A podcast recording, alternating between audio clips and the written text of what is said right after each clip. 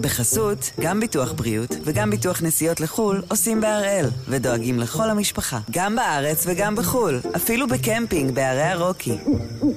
כן, גם שם, כפוף לתנאי הפוליסה וסייגיה ולהנחיות החיתום של החברה.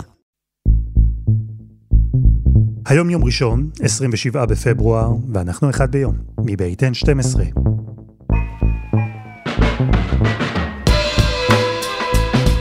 אני אלעד שמחיוף, ואנחנו כאן כדי להבין טוב יותר מה קורה סביבנו, סיפור אחד ביום, כל יום.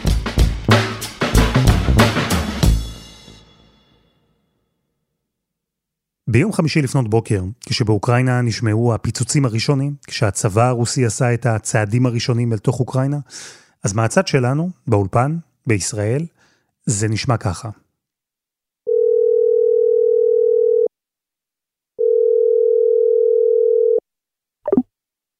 אי אפשר לומר שלצליל ניתוק של טלפון יש רגש, אבל אם היה לו, אז הניתוקים האלה ששמענו היו מלאי חרדה ומלאי פחד.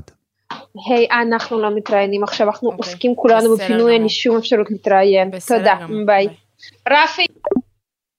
וזה לקח קצת זמן, ושם, באוקראינה, במקביל לפחד, התחילו לספר לנו את הסיפור. היום בבוקר הפגיזו אותנו, התעוררנו מהפגזות, הסכמנו, הסתכלנו ב... בחלון, ראינו הרבה עשן שחור. בחמש בבוקר היה חמש פיצוצים, אחר כך נרגע לכמה שעות, מלפני שעה היה עוד בום אחד. באמת תחושה של חוסר אונים לכל דבר. תור קילומטרים לקנות בנזין, דלק, תור קילומטרים, תור, כי כולם רוצים לברוח. בנקים, המון אנשים ליד הכספומטים. זה המצב. בסיפור הזה, הסיפור שהם סיפרו לנו משם, יש את כל האלמנטים של מלחמה. כי יש פלישה צבאית, הפצצות, מתים, רבבות פליטים שנמלטים, אבל הסיפור הזה הוא גם שונה. יש בו משהו מעט שונה. כי כן, יש מלחמה, היא מתנהלת, אבל יחד איתה, במקביל, יש ציפייה למלחמה. מלחמה גדולה יותר שעדיין לא הגיעה. אז הפעם אנחנו עם הפלישה הרוסית לאוקראינה. שלושת הימים הראשונים.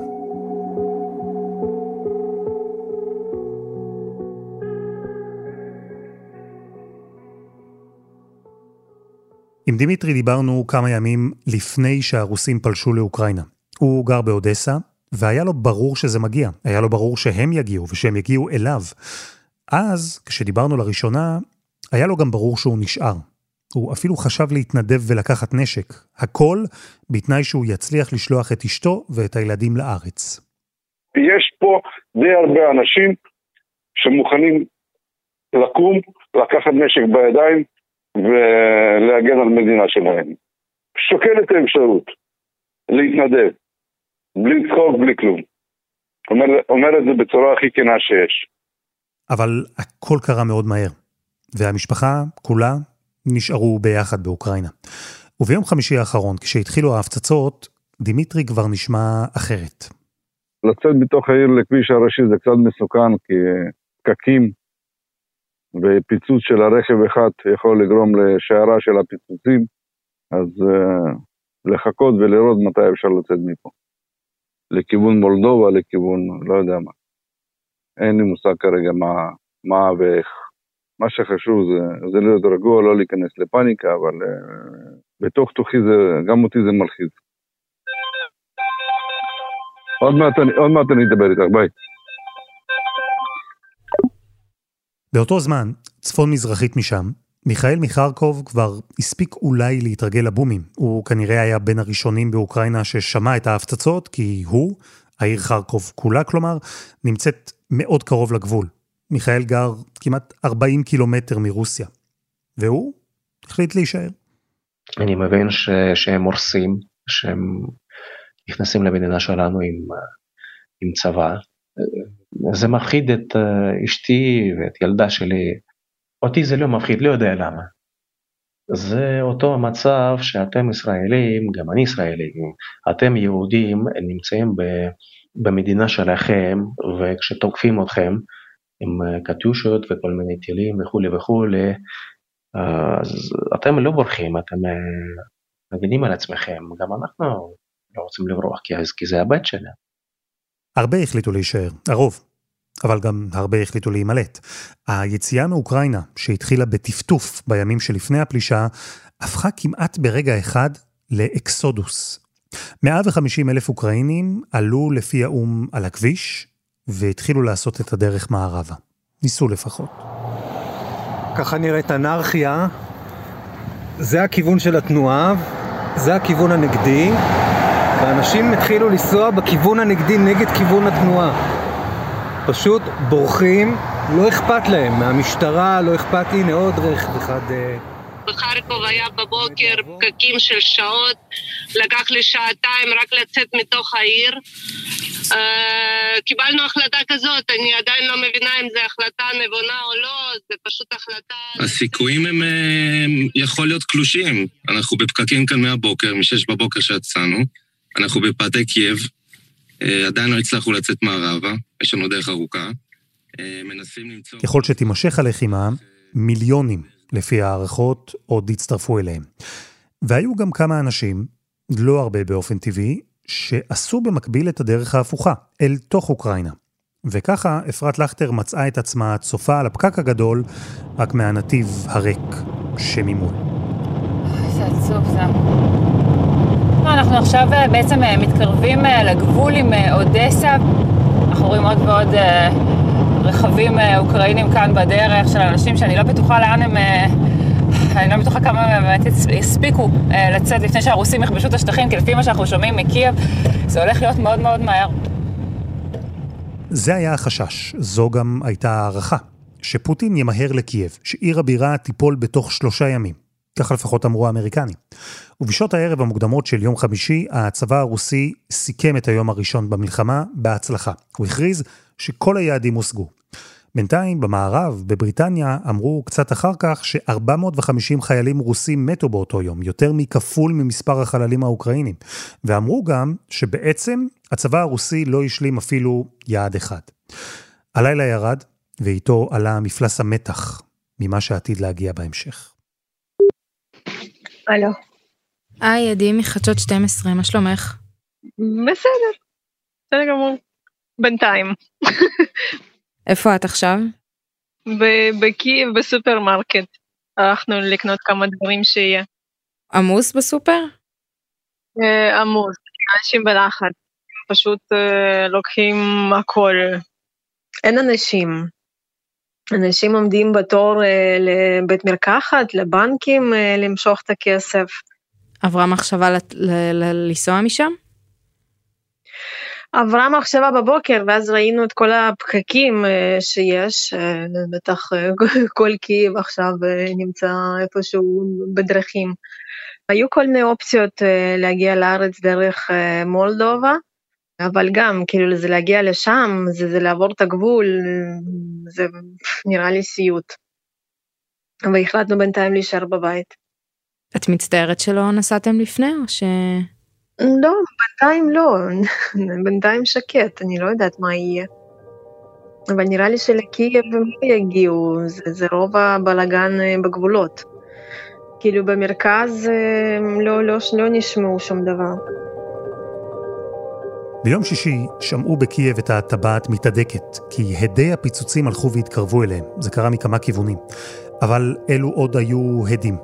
והד כזה של פיצוץ הוא רחוק, והוא משאיר תקווה שהוא גם יישאר רחוק. בינתיים במקומות אחרים באוקראינה כבר היו פיצוצים של ממש, טילים, רקטות, טנקים רוסים. ובאקט נואש, אחרי שהפצירו באזרחים להכין בעצמם בקבוקי מולוטוב, אחרי שחילקו נשק ברחובות, באוקראינה הורו לכל הגברים להישאר במדינה, לא לצאת. והמצב? המלחמה שהתרחבה מצד אחד, ההוראה שחייבה גברים להישאר מהצד השני, כל אלה הובילו למצבים מאוד קשים, סיטואציות מורכבות, כמו זו של ג'וליה, תושבת אודסה, שאפרת לכטר פגשה ממש על הגבול. Okay, uh, what's your name? My name is Julia. Julia, where are you from? From Odessa. And why did you decide to leave Odessa? Um, I wake up in the middle of the night from the exploring, yeah? And scared. So we decided to leave. But you know, here it's don't help because I'm a lady. I can leave anytime. But my husband, he's sitting in the car and I can't leave him. That's. We can only sit scared in our flats, in our apartments, and how we can help our country. It's not our job. היא, ג'וליה, עמדה במעבר, שלושה צעדים בערך הפרידו בינה לבין מדינה אחרת, מדינה שאין בה מלחמה. אבל מאחור נשאר בעלה, באוטו, בעלה שלא יכול לצאת מאוקראינה. בעלה שעכשיו ג'וליה הייתה צריכה להחליט אם היא משאירה שם, במלחמה, או שהיא פונה לאחור ונשארת איתו, וגם מסכנת את חייה. I'm, I'm really, I'm so sorry. It's just, it breaks my heart. It's okay, just we, we didn't sleep for sure this night. So we just prayed. We remember all the praise.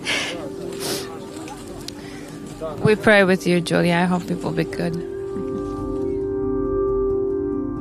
ביום שבת, ושוב זה קרה לפנות בוקר, הרוסים חזרו לתקוף. זה יום המלחמה השלישי, ובמערב טענו כבר שהרוסים מתחילים להיות מתוסכלים, שהקצב לא מהיר כמו שהם קיוו. ברוסיה טענו שנתנו פשוט לצבא לנוח, כי להפך הם דווקא מאוד מרוצים מההתקדמות.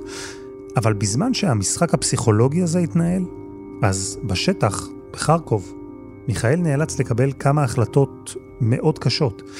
יומיים לפני כן הוא אמר לנו שהוא מתכוון להישאר. אבל באותה שבת, אתמול, הוא והמשפחה החליטו שדי, הגיע הזמן להימלט. קודם כל לא רצינו לעזוב כי, כי זה כואב, זה הבת שלנו, אבל uh, מהלילה של אתמול, מהפגזות כבדות, בזריזות החלטנו לעזוב.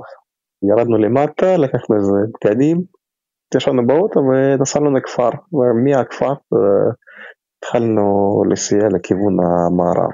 אני הייתי uh, בטוח בעצמי שאנחנו צריכים לעזוב, והבנות uh, היו לחוצות ונכנסו לבכי, למצב רוח רע. הם נכנסו לאוטו, התחילו לנסוע מערבה, בלב כבד, עם הרבה התלבטויות, הרבה חששות, אבל הם קיבלו את ההחלטה וניסו להוציא אותה לפועל. אלא שבדרך, שוב, הם שינו את דעתם. והם uh, חששו מהפיגועים בכבישים, או הפגזות בכבישים. Uh, בגלל זה חזרנו. והם חזרו הביתה, ומיכאל לא יודע, עדיין, גם עכשיו, מה הדבר הנכון לעשות. יכול להיות שזאת הייתה טעות, לא יודע. קצת לחץ או פאניקה, לא יודע. משתדלים uh, לחשוב קר, לא לעשות טעויות, אבל אנחנו בני אדם. אלו בדיוק הסיטואציות המורכבות, המציאות הקשה של חיים תחת מלחמה. כי אלו שאלות שבמקומות אחרים, מקומות שלווים, לא צריך להתמודד איתן. אלו החלטות שלא צריך לקבל. אם להימלט עם המשפחה, או שהסיכון מההפצצה בכביש יותר גדול מהסיכון של הפצצה בבית. אם לחצות את הגבול לעבר הביטחון, או להישאר תחת אש, אבל עם האדם שאת אוהבת. ואלו התלבטויות שקורות בימים האלה באוקראינה. הן קורות הרבה, והן אפילו יותר מורכבות שם, כי לצד המלחמה שכבר מתנהלת, יש גם ציפייה, יש חשש, שהחלק הרע עדיין לא באמת התחיל. אבל קודם חסות אחת, וממש מיד חוזרים.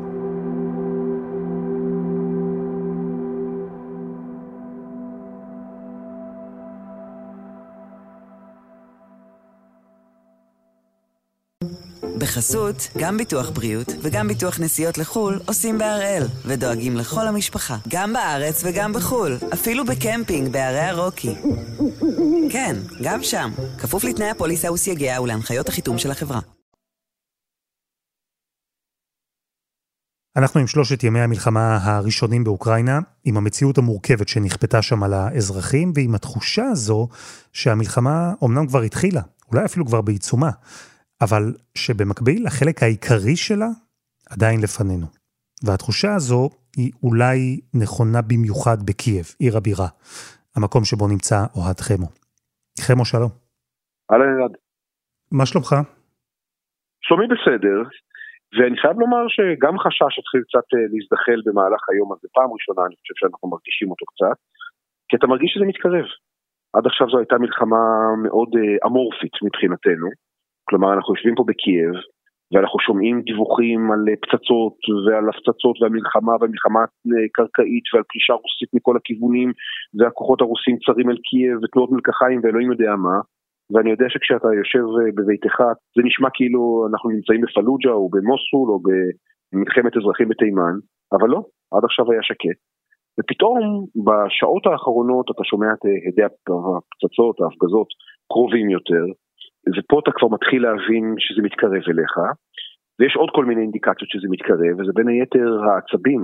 אנחנו מסתובבים היום שם באזור של הפרלמנט. עכשיו זה באמת במרכז העצבים של המדינה. שם נמצא זלנסקי, באזור של אה, קריית הממשלה, אה, ההנהגה נמצאת שם, ההבנה היא שהרוסים רוצים להגיע לכאן. ואנחנו אה, מסתובבים שם, ואנחנו עוברים מחסום ועוד מחסום, ובשלב מסוים אנחנו מגיעים ממש לפרלמנט עצמו. אני והצלם זיו בניונסקי, ואז קבוצה של כמה שוטרים מזהים אותנו, כוחות ביטחון מיוחדים, ורצים לעברנו עם נשקים שלופים, מכוונים לראש שלנו, מרחק של עשרה מטרים, צורכים לנו hands up, hands up, ואתה צועק להם פרס, אתה יודע, אני בדרך כלל צועק סחאפה בערבית, אבל הפעם זה פרס באנגלית, ואנחנו מנסים לשכנע אותם שהכל בסדר, ויש פה המון שמועות על כוחות רוסים שהסתננו למדינה והסתננו לקייב אה, במדים או שלא במדים, ואתה מבין שמשהו ממש מעורער פה, זאת אומרת, יש תחושת הביטחון הבסיסית אה, של מקום, של חברה, פתאום מתערערת להם, כי האויב הוא אויב שנמצא אולי גם בפנים, אתה יודע, תומכים פרו-רוסים שנמצאים פה. אז, אז במובן מסוים זו תחושה כאוטית, וזה כבר מתחיל להפחיד.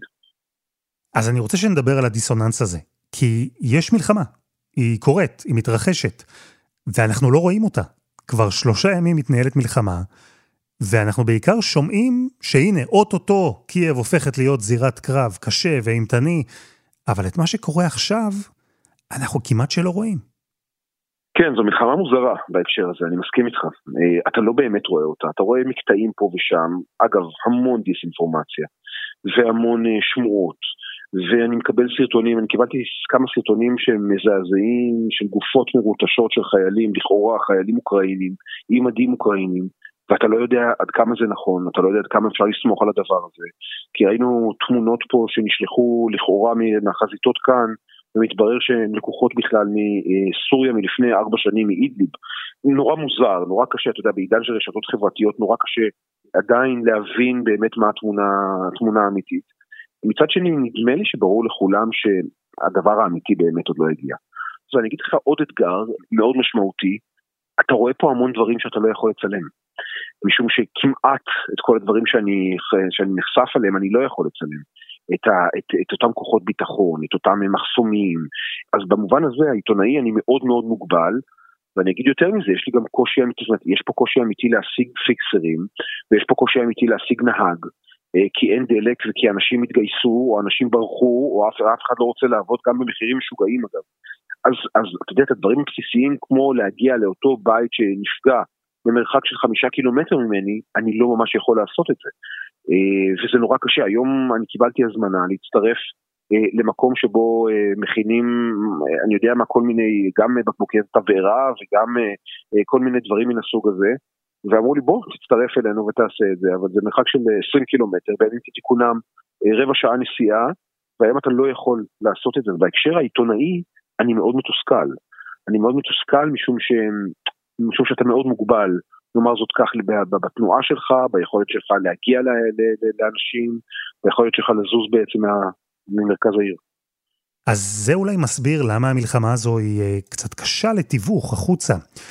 כי תמונות של מלחמה, מה שאנחנו כולנו מכירים, זה, אה, אני אומר קל במרכאות, כן? כי זה מעביר את התחושות, זה מעביר בדיוק את האווירה, מעביר את מה שקורה. אבל התחושה הזו של מתח באוויר, זה משהו שקשה מאוד להעביר, זה משהו שקשה להמחיש. אבל מעניין אותי דווקא פנימה, חמו, באוקראינה.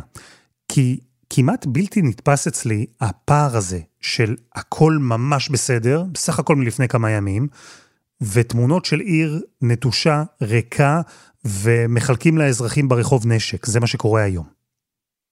הייתה שאננות אמיתית. אתה יודע, הייתי פה, פרספקטיבה של ארבעה ימים לפני הפלישה הרוסית, ואני אומר לך באמת, זה קצת היה כמו הטיטניק. אתה רואה אנשים יוצאים למסעדות ואוכלים טוב, וברים חצי מלאים, ומרכז העיר שוקק, ואתה מדבר ואף אחד לא חושב שזה בכלל משהו אפשרי ואופציונלי, והנה זה מגיע לפה, והשאננות שהתחלפה בדאגה אחרי הנאום של פוטין, הפכה כבר להיות פאניקה, פאניקה אמיתית.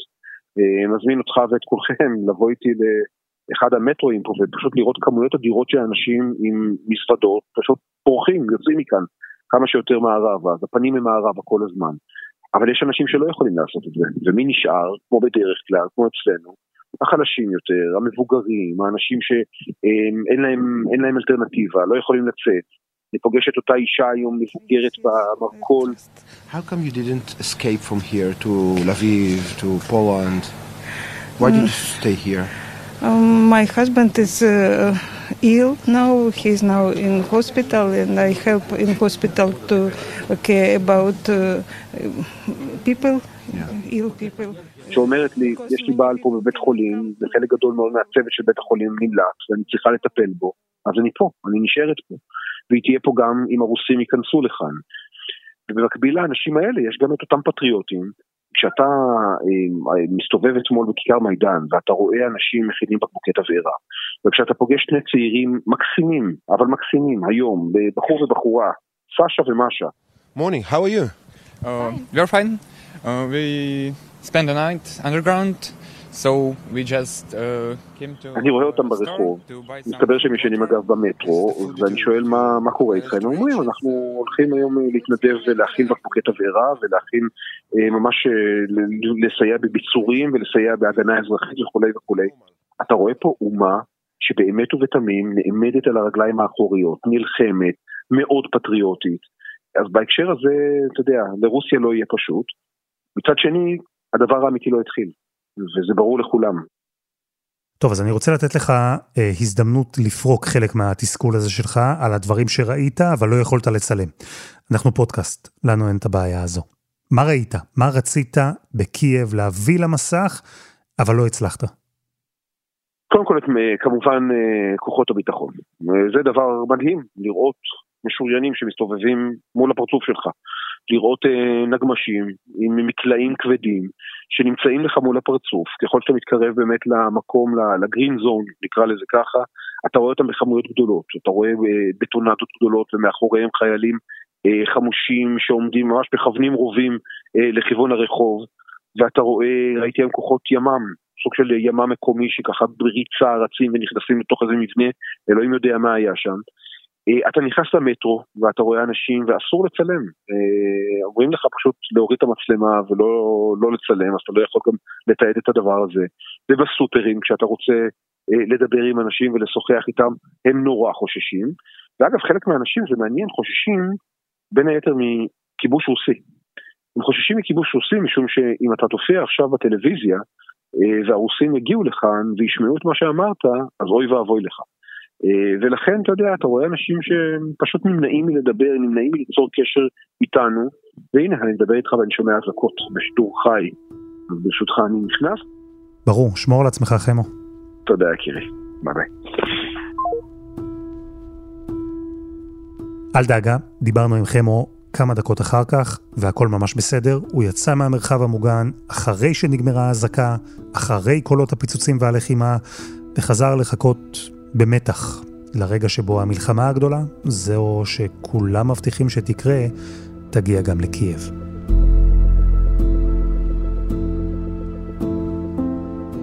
וזה היה אחד ביום, של N12.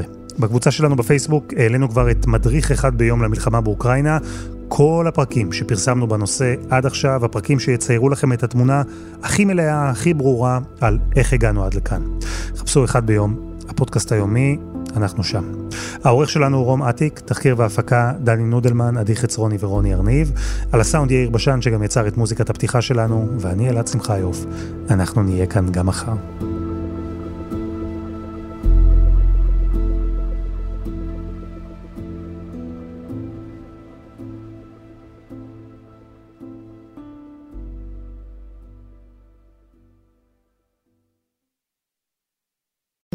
בחסות, גם ביטוח בריאות וגם ביטוח נסיעות לחו"ל עושים בהראל, ודואגים לכל המשפחה, גם בארץ וגם בחו"ל, אפילו בקמפינג בערי הרוקי.